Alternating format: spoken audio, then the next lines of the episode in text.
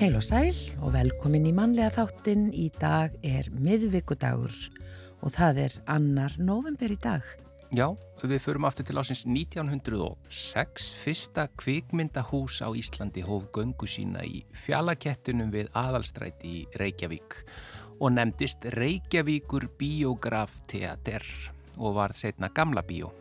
Og þegar fjallakötturum var rifin 1985 var bíósalurinn talin eitt sá elsti uppistandandi í heiminum. Já, því miður rifum við hann. Já. En skátafélag Reykjavíkur var stopnað í fjósinum bakhúsi mentaskólans í Reykjavík árið 1912 á þessum degi. Ári síðar, uh, uh, 1913, morgumblaðið hóf göngu sína. Stopnandi og fyrsti rítstjóri þess var Vilhjálmur Finnsen og lög um nótkun bifriða gengu í gildi á þessum degi 1914. Réttur til að stjórna bifrið var bundin við 21 árs aldur. Hámarks aukurræði var 15 km e, á klukkustund í þjættbíli en 35 km utan þess. Já, það er aðeins breyst um þeirra hraðin. Já. Síðan þarna. Henn bara átt að halda þessu þarna. Já, 15 og 35. Já, já, já. Já, já. Þá myndur við vilja vera að gera það alltaf til akkurir og svona það tæki ansið mikið lengri tíma en Íslendinga tóku við yfir stjórn flugumferðar yfir Norður Allandsafi á þessum degi árið 1946 sem satt allt frá Hjallandsegjum til Grænlands og upp á Norðurpól. Já, og svo var það árið 2000 að vestlunamiðstöðin Glerartorg var opnuð á Akureyri. Já, uh, og yfir í efni þáttanins í dag. Við ætlum að kynnast konu sem að hefur eitt stórum hluta síðustu tíu ára annars vegar á Svalbarða og hins vegar á Suðurskautslandinu. Og þessa milli hefur hún verið landvörður í Vatnajökuls þjóðgarði. Sem sagt, hún eigðir vetrunum annars vegar á norðurhjara og hins vegar á suðurhjara jarðarinnar.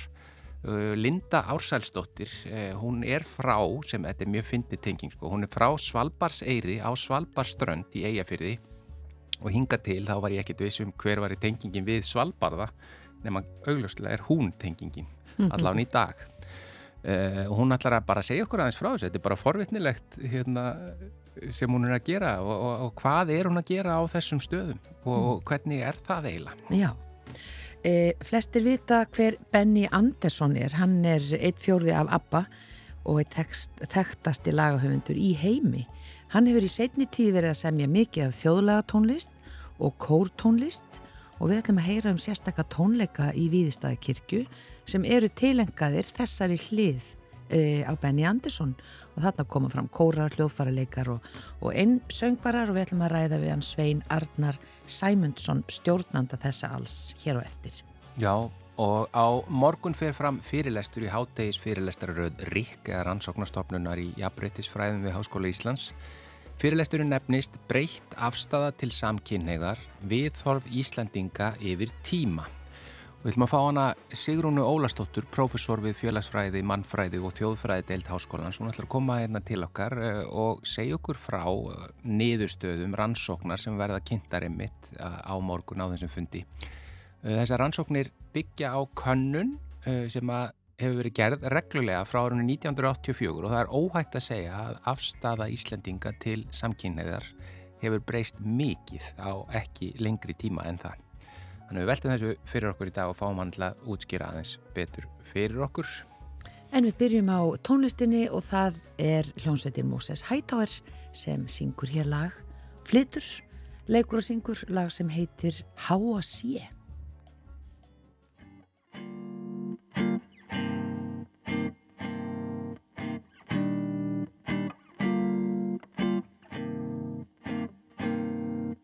sé. þröstur upp á háa sé og heldur því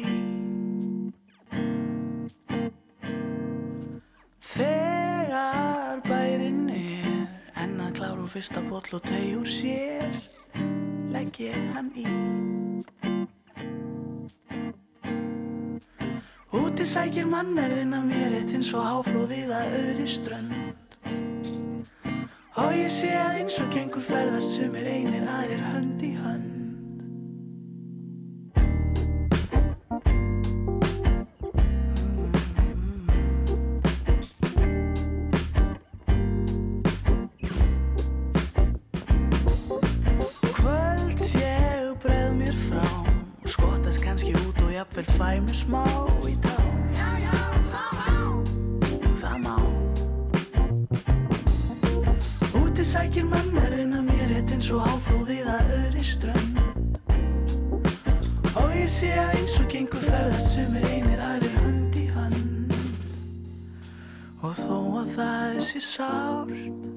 fer ég ekki að því.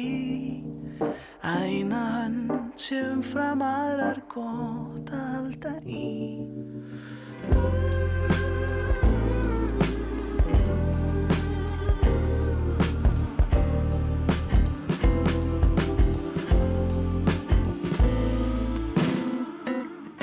En þegar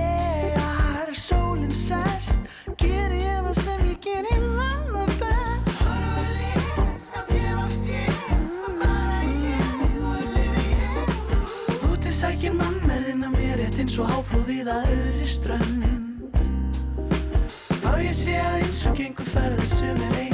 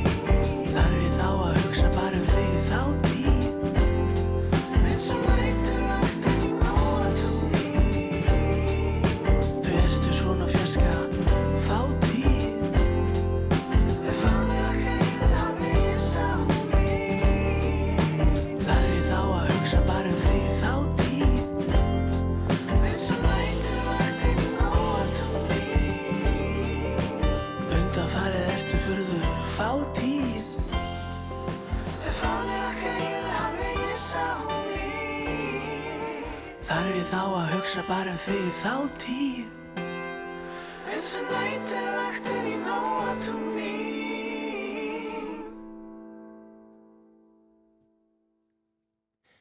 Já, þetta voru þeir félagar í Moses Hightower uh, sem sungu þarna lagið Háa sé. Þetta lag er eftir, uh, þeir segja bara eftir Moses Hightower uh, en textahöfundarnir eru tveir skráðir, Andri Ólásson og Stengrimur Karl Tík. En hingað er komin góður gestur Linda Ársalsdóttir og okkur fannst bara forvitnilegt. Ég, að segja, ég frétti af þér, velkomin í manlega þáttin. Takk hella. Ég frétti af þér að þú væri sko sagt, landvörður á sumrin hér á Íslandi það ekki í Vatnajökuls þjókari. Jú, á Norður Hálendi á sæðina sem Askja og Herðubræðlindir eru. Já, en það var ekki endilega það sem vakti aðdegli mína og forvitni því að það heldur meira kannski hvernig þú eigðir vetrunum. Undanfarin tíu ár uh, til að byrja með það ekki svalbarði. Jú. Og, og sko, og það var bara þessi skemmtilega tilvílun.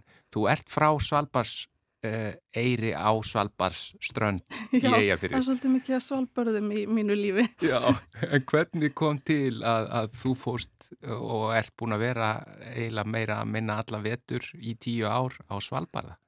Sko, fyrst ætlaði ég bara að fara í skiptinám. Ég var í líffræðinám í Háskóla Íslands og mér langaði ekki að fara til Kaupnahafnar eða Oslo eða eitthvað svona, venju, ekki venjulegt en klassíst. Já, Þannig að ég fann skiptinám á Svalbarða á háskólasetrinu þar og ákvað að, að skella mér í það og var eina önn þar og heitlaðist svona náttúrinni og, og mannlífinu þar þannig að ég áerfitt með að slíta mig frá Svalbarða. Ég hvað, hvað er það? Hvað er hérna við Svalbarða?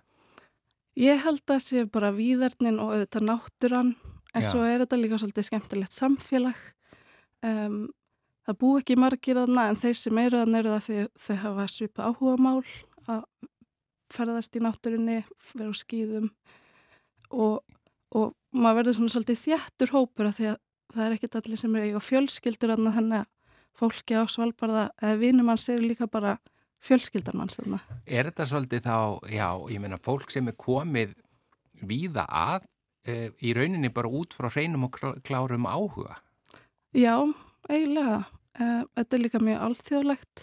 Uh, mikið á normannum auðvitað því þetta er undir Noregi Mm. en líka að þetta er utan Schengen-svæðisins þá er fólk allstæðar en af og það er all tungamúlaðan er eiginlega enska sko, eða sko þegar ég var í háskólanum Já. þá var svona 50-50 normenn og, og erlendi nefndur. Já. Og hvernig er svona bara þitt daglega líf þarna? Sko, núna hef ég verið að fara og vinna sem leiðsögumæður þannig að mitt daglega líf er bara úti í kuldanum og í náttúrunni með gesti með mér. Og sko, er ég að skilja rétt að, að í rauninni það eru engi sem að búa eða eru fætt og uppalinn og búa alla sína æfi á Svalbard? Jú, það eru nokkra fjölskyldur norska sem eru búin að vera nokkra kynnslóðir. Já. En þú mátt ekki vera með lögheimili á Svalbarða þannig að það eru allir með lögheimili annarkvart á meginlandin í Núri eða í sínu heimalandi.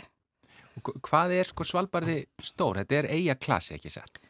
Jú, uh, er hann ekki 60.000 ferkilometrar? Já, svona 60% af Íslandi Já. um það bil. Einmitt. Já.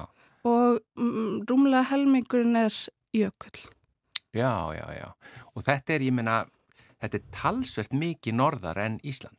Já, sko Longyearbyen sem er aðal bærin er 78 gráði norður.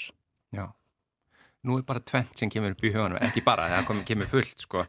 Fyrst alveg, ég hugsa alltaf með hérna túrista sem kom til Íslands, bara akkur er komið til Íslands, að við erum að leita kannski eftir hlýju og eitthvað svona þegar við fyrum í okkar ferðalög, en ok, ég skil alveg, hér er náttúrun og allt það, en það er væntalega talsvert kaldara, uh, meira myrkur eða hvað yfir vetratíman, Hver, hvernig er tíminn, eh, hvaða mánuði ert þú þarna og hvað er til dæmis hitastig og, og, og byrtan? Sko ég hef verið allan ásins ring en núna fer ég þegar að sólinn er að rísa aftur uh, svona í februar og er fram á sumar já, uh, og það, þá er miðnættu sól um, og sól allan sólarhingin, hún sest ekki. Ein- eins og bara á sumrin kannski hér á Norðurlandi Já, nema Já. bara aðeins meira ekstrím. Eh, og ég meina en, en þetta með að sólin hún bara hverfur algjörlega í hvað langan tíma Tvo hálfan mánuð. Það, fyrir viku síðan þá fór hann undir sjóndeldarhingin og það er algjört myrkur núna þanga til miðjan februar. já. og Já, hva, hvað með sko, eins og hitasti hvað er eins og eh, þá í þegar bjartasta tímabilið er sumarið. Mm hvað, hvað er hlýtt? Eða segja, Á sumrin er svona 5 gráður, 8 gráður er góður sumadagur. já. En að- februar, mars, apríl sem eru svona mars kald, köldustu mánuðinir þá er oft mínus 20 ég hef alveg farið með ferðir í mínus 28 gráðum mm. en það er skrítið að segja en það er ekki svo kalt ef það er ekki ef það er logn já, ef það er ekki Eh. vindur. mm -hmm. En svona í þinnu leiðsögu starfi, hvert erst að fara með fólk og hvað erst að gera? Og hvernig farið um? Sko, ég hef bæði verið að vinna á skipum en á þessu tímabili frá februar fram að sumri þá er ég að vinna uh, við snjóslega leiðsögn. mm. Uh, þá förum við bara og keirum og njótum okkar í náttúrinu, förum annarkvart út á hafísin eða í átta jöklunum. Uh, svo er líka ferðir yfir í næsta bæ, Barentsburg, sem er rúsnesku námaverka mannabær. já Um, og það, ég meina það eru tæplega þrjúðust manns uh, sem eru sög, það er að segja, segja íbúar Mhm. uh, og þessi sem eru um það bylja og hvað eru margir af þeim sem búa í Longyearbyen og hvað eru margir sem búa á þessum Barents sko, það fer svolítið eftir tímabilunum. um, en svona 2200-300 manns í Longyearbyen og svona 300-400 manns í Barentsburg.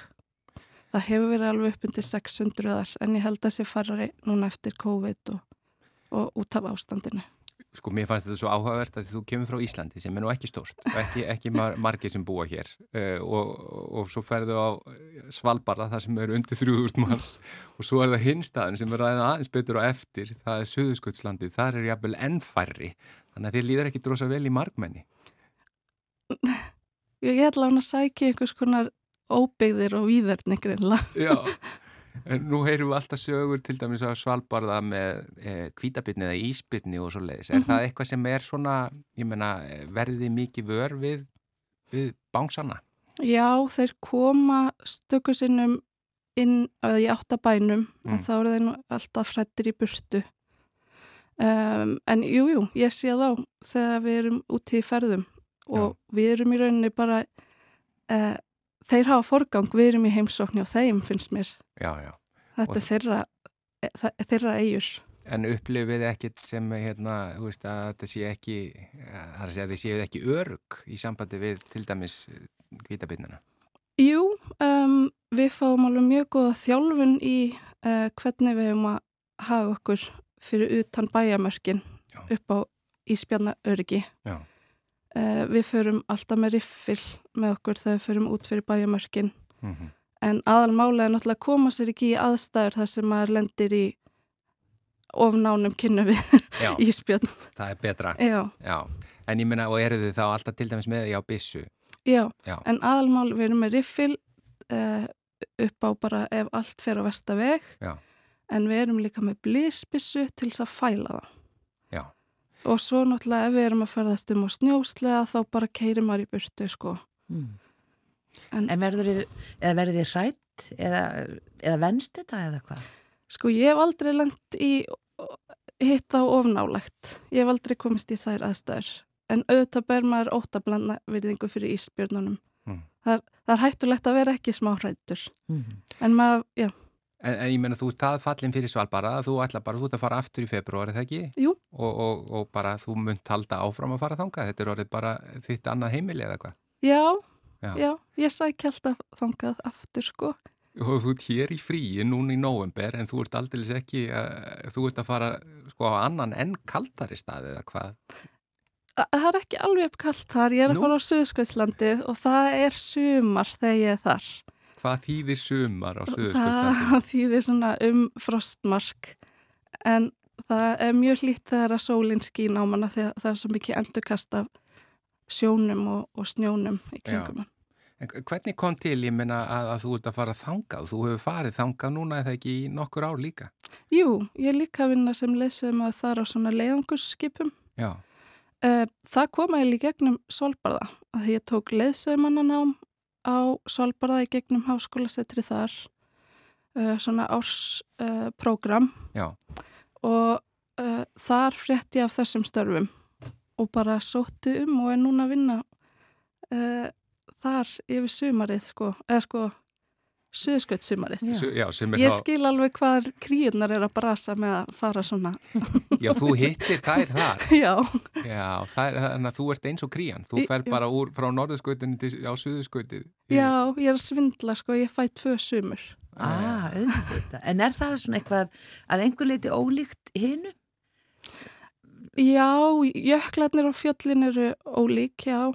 E, sko, ef ég á að bera Svalbarða og, og Suðskjöldslandið saman. Mm. Og kannski bara þetta leiðsögustarf, er það eitthvað ólíkt líka? Já, ég er að vinna sem líffræðingur um borð og náttúrulega þá er ég á skipi.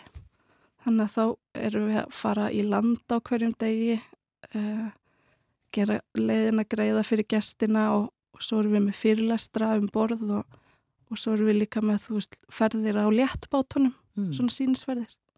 Og hvaða, hérna, sem líffræðingur, hvað ertu svona að, að skoða á, á suðurskautslandinu? Ég er bara með líffræði tengda fyrirlestra Já, um seli og kvali. já, já, já. Já. já og ég, En annars ger ég allt frá því sko að sortara stífveli að uh, sigla litlu léttbátunum og já. en þér líður vel í kulda eða hvað?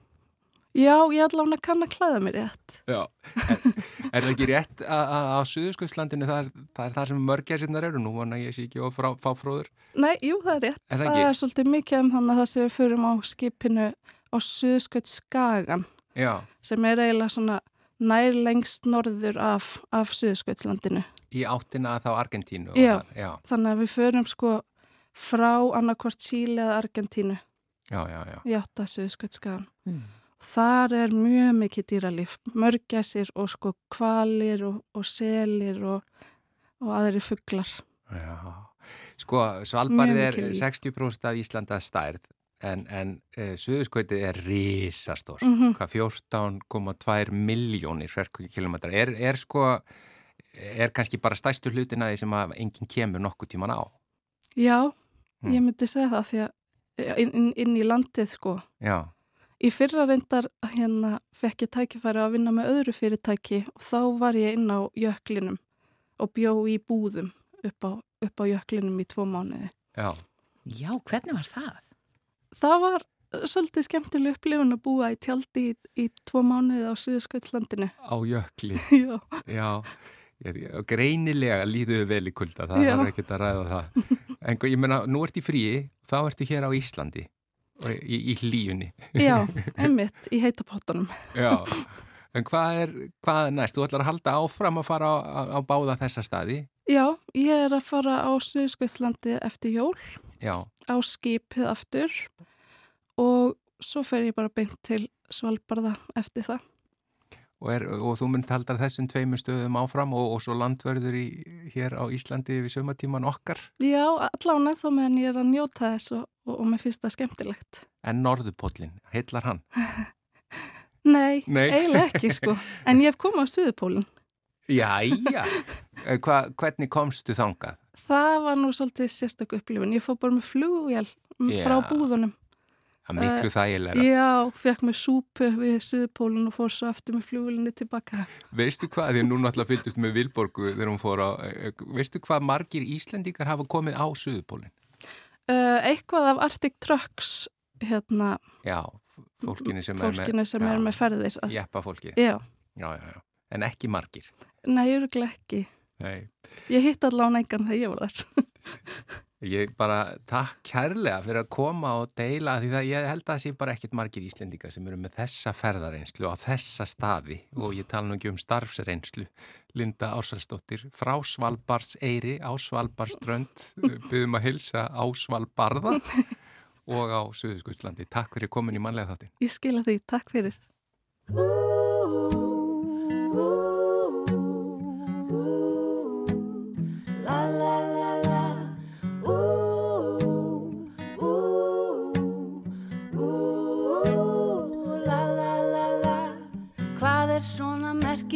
Við það að vera karlmaður?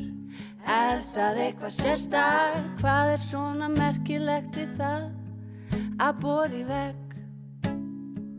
Með blakk og dekker, hvað er svona merkilegt við það? Að bera áburð að póka, viltu gleri komplekt? Hvað er svona merkilegt við það? Að taka upp vél, að vinna á liftara, ekkert mál. Að vinna á liftara, ekkert mál. Það er ekkert mál Er eitthvað merkilegt við það að vinna á skurðgröfu Er meiri háttar mála skiptum dekk á vöru bíl Átján hjóla trukkur svo hvað er svona merkilegt við það? Að vera karlmaður Æ, æ, æ, æ, er flott að vera yngöngu á ból og móka snjó Að vera karlmaður, ekkert mál Að vera karlmaður, ekkert mál Það er ekkert mál Hvað er svona merkilegt við það að vera karlmaður? Er það eitthvað sérstækt? Hvað er svona merkilegt við það að bóri vekk? Með blakk og dekker, hvað er svona merkilegt við það? Að bera áburð að póka, viltu gleri komplex? Hvað er svona merkilegt við það? Að taka upp vél? Að vera sundskilu Ekkert mál. Að vera sundskilu Ekkert mál að vera á sundskilu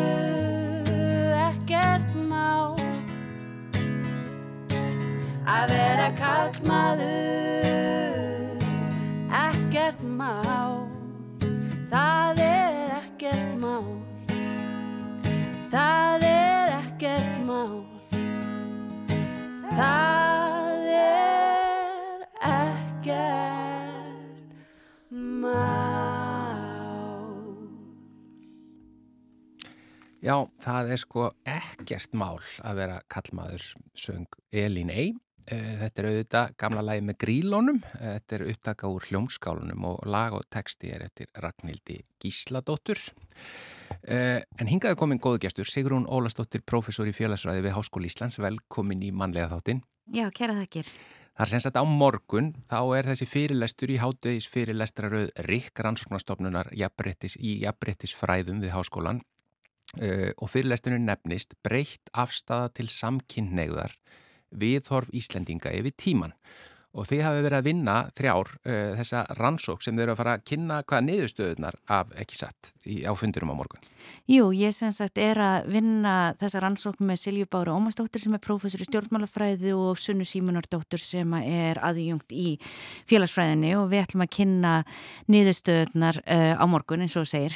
Já, og þetta byggir á, eða ekki, þessari könnun sem er evrópsk, hvað, lífskylda könnun. Já, við höfum þýtt að þannig, þennast European Value Study sem að er, uh, já, svona stendur svolítið út af því leiti að það er byrjað að sapna gögnum upp á 1980 Já, og Ísland tekur þátt frá byrjun sem er svolítið óvanalegt í þessum alþjóðlegu könnunum, þannig að við erum núna komin sagt með fimm tímapunta og þetta eru auðvitað spurningar sem breytast að einhverju leiti en líka náttúrulega mikið verið að reyna að halda í sömu spurningarnar.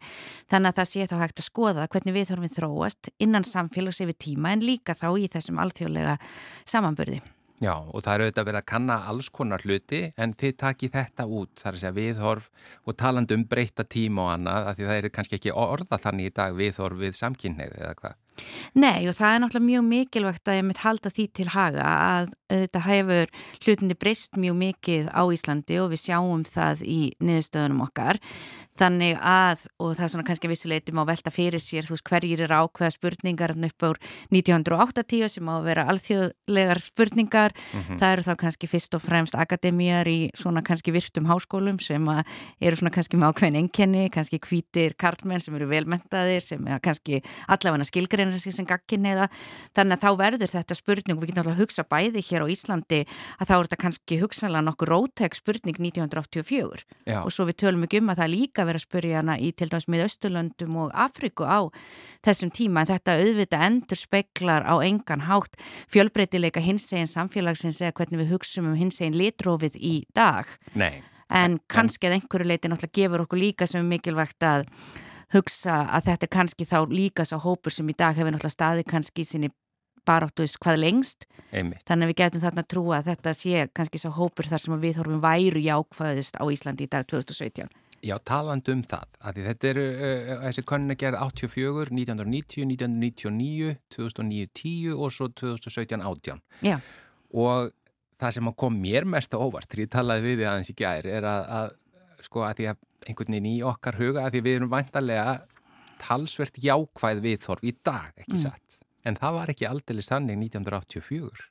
nei og við sjáum það náttúrulega að það hefur eh, breyst mjög mikið og það er uh, svona mikilvægt líka hér að við erum að skoða viðhorf almennings, því auðvitað vitum að þjóðfélags bara, uh, umræðin hefur breyst mikið, lagasetningar hafa breyst mikið en þannig erum við að sjá bara hvernig svarað almenningur þessar spurningu 1984 miða við í dag. Og það sem við svona gerðum til að sína svolítið munin, þetta er semst spurning sem er á skalanum einum til tíu.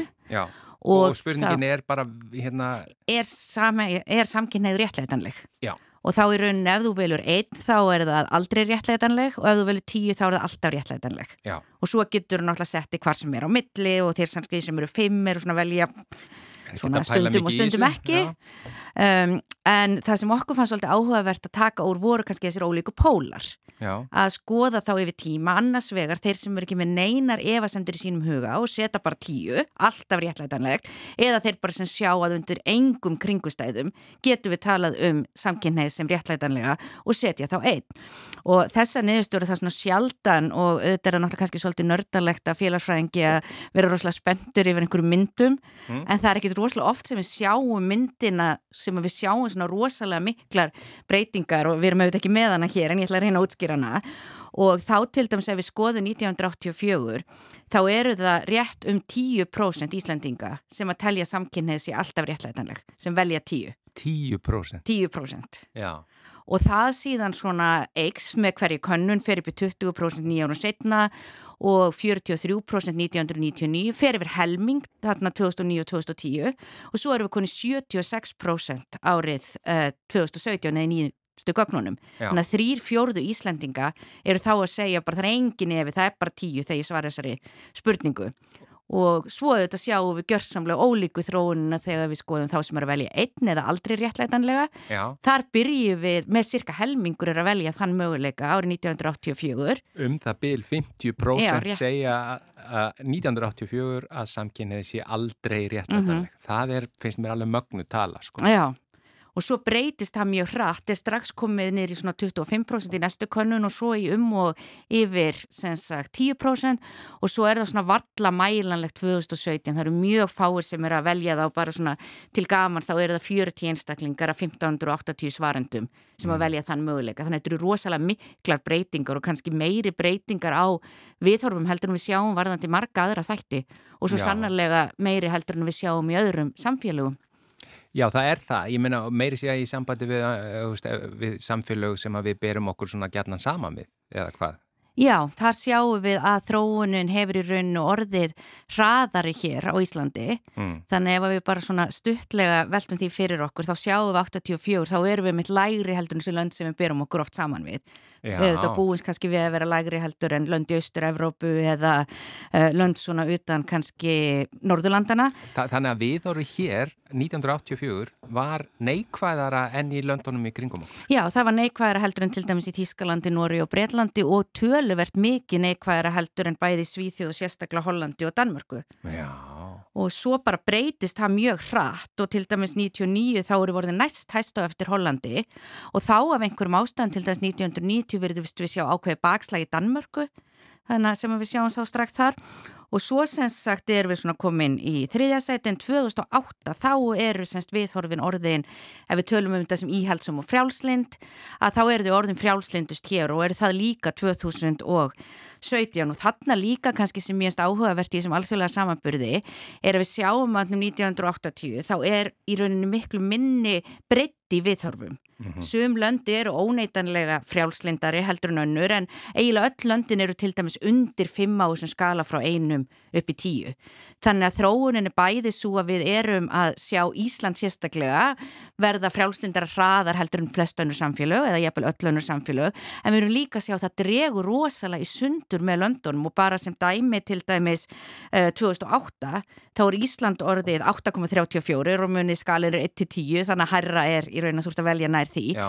þá ertu með 1,14 í Georgíu sem að sem sagt er þá og þú ert með milli 1 og 2 í mjög mörgum löndum til dæmis í austur Evrópu þannig að það er líka þróunin sem að við erum að sjá í rauninni er Þa, það er þetta að tala um nýjar tölur. Í þetta er sem sagt 2008 Já, já. en svo sem sagt eins og þegar við skoðum núna nýjustu gögni þá er Ísland komið yfir nýju, það er hæðst og það er eina landi sem er yfir nýju og í raunin er það mjög óvanalegt að við sjáum í félagsvindsundum þegar við erum að byggja um viðþorf og þú ert með skala frá einum yfir tíu að meðaltali lendi yfir nýju. Já.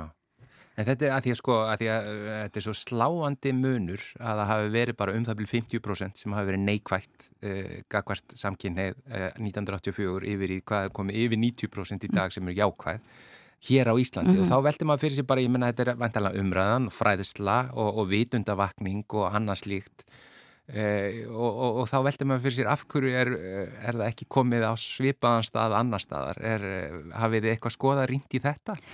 Já, maður náttúrulega velta fyrir sér um, bæði út frá gögnunum sem við getum svara og þar til dæmis getum við skoða hópamun Já. og þar getum við til dæmis skoðað hverjir eru það sem er að leiða þessa breytingu á viðhorfum. Já, Þannig að þar til dæmis sjáum við svona almenna minstrið yfir tíma að það eru þeir sem eru yngri, konur, þeir sem hafa meiri mentun, sækja trúarþjónustu síður og eru til vinstri í stjórnmálum sem eru alltaf líkleri til að telja samkynneið sé réttleitanlegt.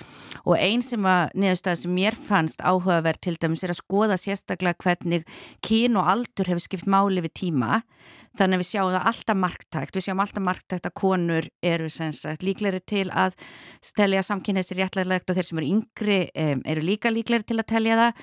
En við sjáum áhrifin verða sterkari þarna kringum aldamótin. Þannig að þá virðist að vera svolítið að þessir hópar hafa kannski leitt þessa viðhorfabreitingu og síðan þegar við förum í átt til enn meiri frjálslindis eftir aldamótin þá dregur saman með hópunum þó að aðna munurinn sé vissulega en þá marktækur 2000 og 17. Uh, við sjáum líka stjórnmálaskoðan að skipta virkilega máli þannig að hér sjáum við náttúrulega ákveðna hugmyndafræði Já. og það getur við náttúrulega svona bæði talað um út frá okkar gögnum en líka sett kannski svona stærra svona samhengi alþjóðlega og hvernig Ísland er sérstæða þar. Því að þar náttúrulega sjáum við til dæmis að það eru þeir sem eru til vinstri sem að setja sig til vinstri sem að eru sem líklegri til að telja samkynneið sé réttarlega en það er dreigð saman með hópunum. Þannig að þú veist við byrjum svolítið það er eins og dreigur saman með uh, hópunum. Og þá getum við náttúrulega velt svolítið fyrir okkur kannski þessari stærri spurningu sem ég held að vilja vera að fara í. En ég vil taka eitthvað til að styðja mig uh, varðandi það því að við erum auðvitað ekki að mæla þetta í okkar gögnum. En þá náttúrulega sýnir þetta hvaða hópar eru svona leiða sem sagt og hvernig þetta tengist bæði þjóðfélagsstöðu og hugmyndafræði. Að þá náttúrulega fyrsta lagi til dæmis sjá þetta náttúrulega fellur svolítið inn í bæði evrósko og kannski sérstaklega norræna hefð. Þannig að við getum náttúrulega velt svolítið fyrir okkur hvað vitum við um norrænu, löndin. Við auðvitað vitum að uh, við erum alveg með stert velferðarkerfi, við vitum að við erum mikilvæg áherslu á jöfnuð og það er náttúrulega svolítil svona hugsunar og hugmyndafræði sem ferða velta fyrir þér að þegar þú er kannski svona að telja að fólk eigi að vera tiltöla jamt eftir til dæmis stjætt eða tekjum og svo förum við náttúrulega í kynjajafréttið, svo förum við jafnrétti uh, eftir kynvitund þannig að það svona rýmar mjög vel við það.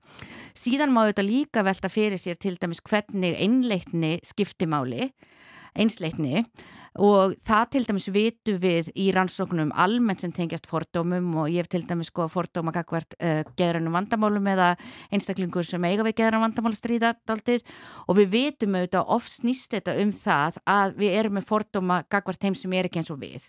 Þannig að þegar við getum sett samfélagið upp í það að það eru við og hinnir þá eru við líklegri til að vera að dæma hinna og þá getur náttúrulega samanskapu hugsað því, líklegri, því líkara sem fólk í samfélagin er, því erfiðara verður að dæma því fljótar ert að fara veist, þessu tilfelli til dæmis ha, já, byttu þú veist, ef hann Gauji sem að býr hér í göttinni og rétt hjá mér og er eiginlega alveg eins og ég er samkynneigður, þá er það ekki droslega langt frá mér, Já. miða við kannski þegar við erum í samfélögum þar sem er meiri munur á fólki, ef þú segja nei, bara það er öðruvísi fólk en ég. Og þá verða fordómanir almennt meiri Sigrún Ólastóttir, professor í félagsræði við Háskólan, takk kjærlega fyrir að koma og það er auðvitað, þú ert bara rétt að fleita hérna ofan af því allra helsta en þessi, þetta er hátegisfyrirlestur á morgun, hvar Herru, hann er í tjóðminnesafninu klukkan 12 og það eru öll velkomin og það er, eh, og bestreymið það ekki líka eða hvað? Uh, ég held að sé ekki streymi en upptaka verður gerð aðgengileg. Já. En við auðvitað hvetjum fólk endilega til að mæti þjóðminnarsafnið. Sigrún Ólastóttir, takk kjærlega fyrir komin í mannlega þáttin. Takk.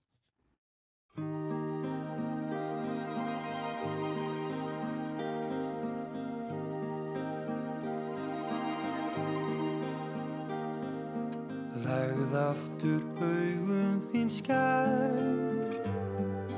Ástinn mín dagur er fjær.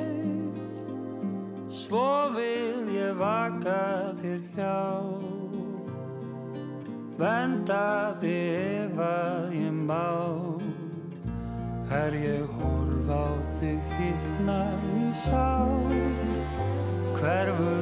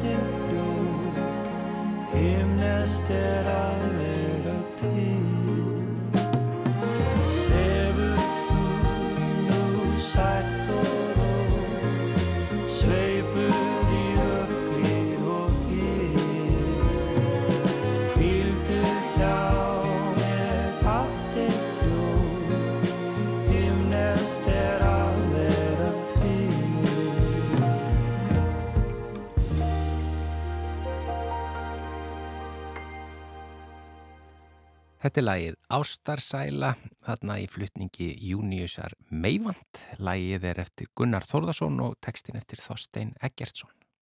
Flestir vita hver Benny Andersson er, einn fjórði af ABBA og einn þekktasti lagahöfundur í heimi.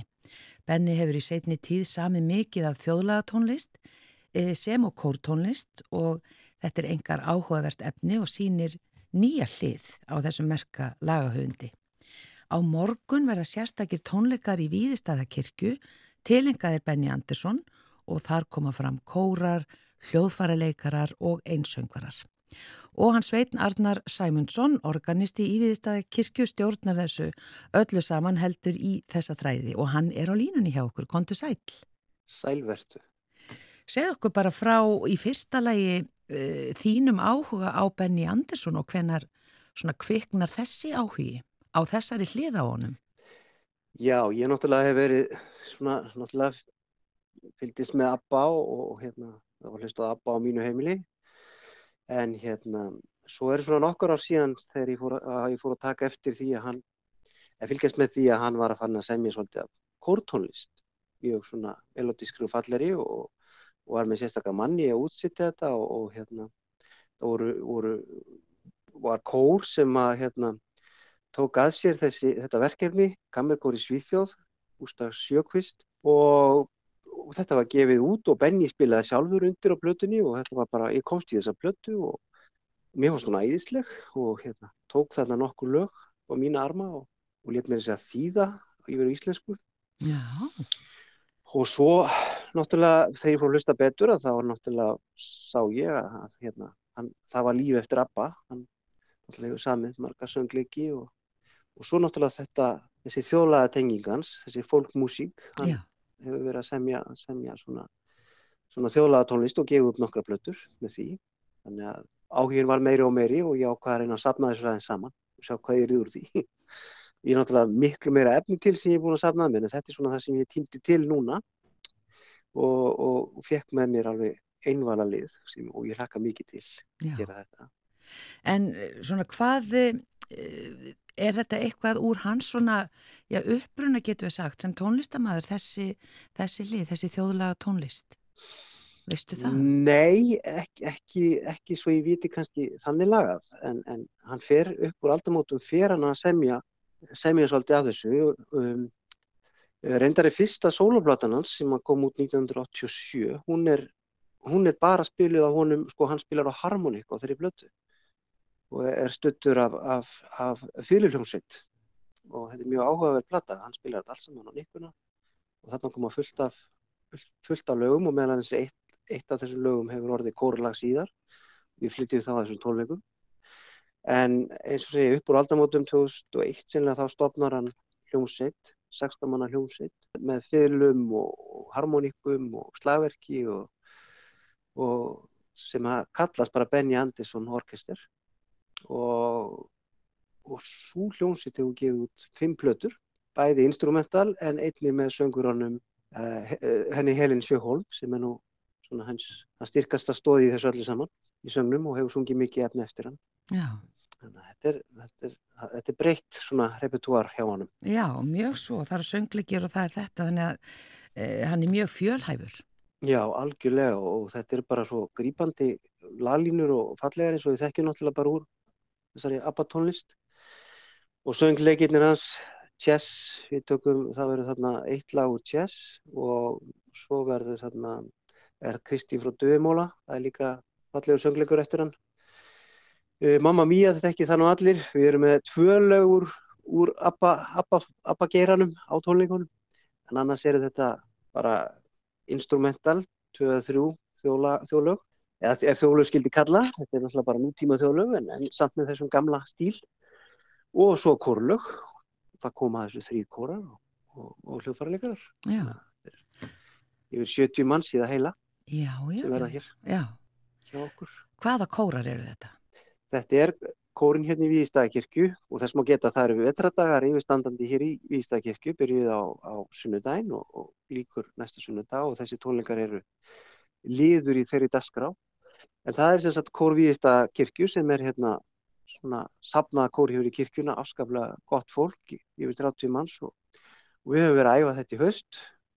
Svo er þarna kór úr Seljakirkju, frábærar söngkonur sem skipa þar kór við kirkjuna og ég verið svo heppin að fá að vera með þeim aðeins í haust og, og ákvaða að grípa þær með í þetta og þær, þær koma þessu og, og hérna og svo Barburukórin í Hafnarfjörðarkirkju syngur tvö lög sem er svona kammerkóri við Hafnarfjörðarkirkju þannig að þetta er svona samvinnu verkefni og svo fæ ég kalla úr, úr fríkirkjunni Hafnarfjörði til, til að syngja tvo þaðan og, og, og svo tvo í viðbót úr öðrum kór þannig að þetta er, þetta er svona svolítið hattfyrst líka allt saman svolítið skemmtilegt.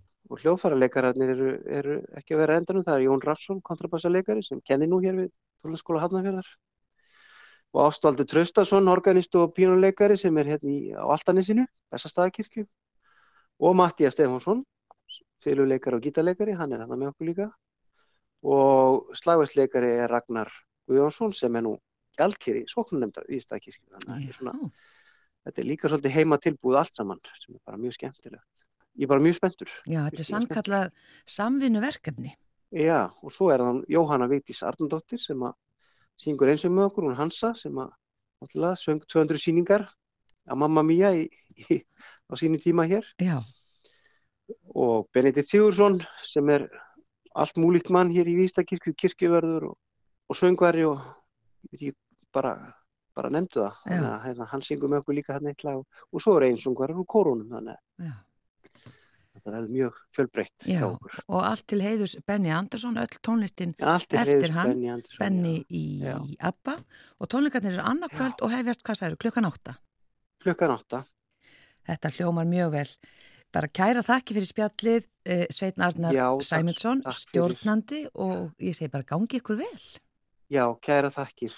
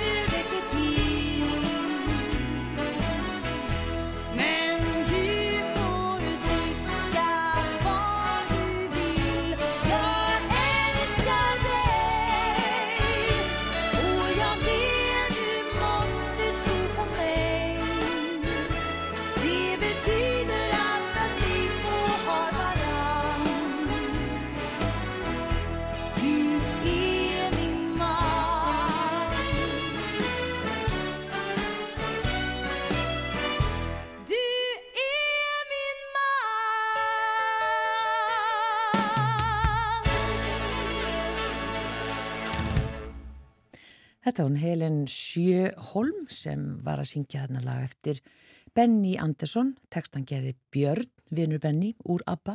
Já, þeir eru nú samið eitt eða tvö lög saman. Þeir eru samið nokkuð lög saman og uh, þetta var Benny Andersson uh, orkestra sem þarna leik. Já, og, uh, þetta var bara lokalægið loka í þettinum í dag. Já. Við bara þökkum innilega fyrir samfélgin í dag og verðum hér á sama tíma á morgun. Verðið sæl.